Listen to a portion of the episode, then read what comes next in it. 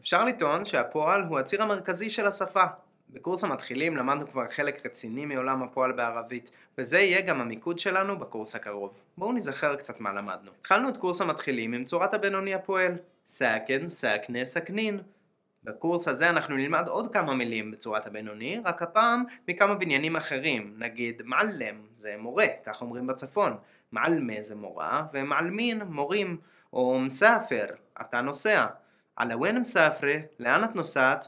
איחנה מספרין על הבולנדה, אנחנו טסים לפולין. רואים די פשוט. נלמד עוד כמה מילים כאלה. חוץ מהבינוני הפועל, למדנו צורה מאוד מאוד מרכזית את צורת ההווה עתיד. זו צורה שמאוד מאוד דומה לצורת העתיד בעברית, עם כל אותיות האיתן שדיברנו עליהן. תכתוב, אכתוב, תכתבי, נכתוב.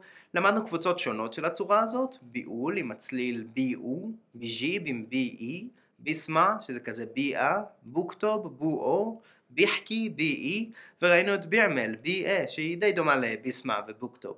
אז הנושא הזה של הקבוצות השונות בהווה עתיד, אנחנו נכיר קבוצות חדשות שתוכלו להשתמש בהן, ואל דאגה, יש לא הרבה יותר משלוש-ארבע קבוצות חדשות, והן מאוד מאוד דומות לקבוצות האחרות, והן יהיו לכם גם מאוד מאוד אינטואיטיביות. אתם בטח אפילו מכירים כבר כמה מהן.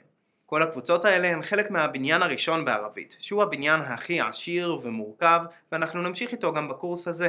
הבניינים האחרים הם כבר משמעותית יותר פשוטים, ואחרי שכבר הכרתם את אותיות האיתן, אז יהיה לכם מאוד מאוד קל ללמוד אותם.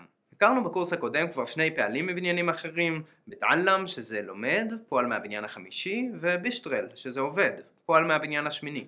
ונכיר בקורס הזה עוד כמה פעלים מבניינים שהם לא הבניין הראשון. אני מזכיר לכם שבהתחלה למדנו את צורת ההווה עתיד גם עם קידומת ב', וככה ידענו ליצור שלוש משמעויות הווה רגיל, הווה הרגלי או עתיד קרוב. אבל אז למדנו להתעסק בפעלים דווקא בצורה הבסיסית שלהם יותר, בלי הבט, ואז הוספנו להם בהתחלה את בידי או לאזם או מומקן כדי להגיד רוצה לעשות משהו, צריך לעשות משהו, יכול לעשות משהו. בקורס הזה נלמד משמעויות רבות נוספות שנוכל לעשות באמצעות הפועל בצורת ההווה והעתיד, בין אם כשהוא לגמרי לבד, ללא קידומת, ובין אם כשהוא עם שתי קידומות נוספות, כמו שכבר נראה ממש בשיעור הזה. לקראת סוף קורס המתחילים נחשפנו בקצרה גם לצורת העבר והציווי. ראינו שצורת העבר ממש דומה לעברית, עם הסיומות האלה ששמים בסוף הפועל, זוכרים? ג'יבט, ג'יבט, ג'יבטי, ג'יבנה, ג'יבטו, וגם ז'אב, ז'אבת וז'אבו. בקורס הנוכחי נלמד הרבה יותר לעומק את הפועל בעבר, במיוחד החל מהשיעור הרביעי. תלמדו להשתמש בו בעוד כמה קבוצות מרכזיות, ואז פשוט תוכלו להוסיף את הסיומות המוכרות לכם לכל פועל שתרצו כדי להגיד אותו בעבר. גם את צורת הציווי אנחנו נלמד הרבה יותר לעומק. אם עד עכשיו למדנו את רוח, ג'יב, אוקטוב, לך, תביא, כתוב, בקורס הקרוב אנחנו נראה לכם איך ליצור את צורת הציווי מכל הפעלים שאתם לומדים, כדי שלא תוכלו רק להגיד אני הולך לבית ספר כל יום, אלא תוכלו לצעוק על חבר שלכם, לך לבית ספר, כל יום. אז כמו שאתם רואים, יש לנו הרבה מה ללמוד בתחום הפועל בקורס הקרוב.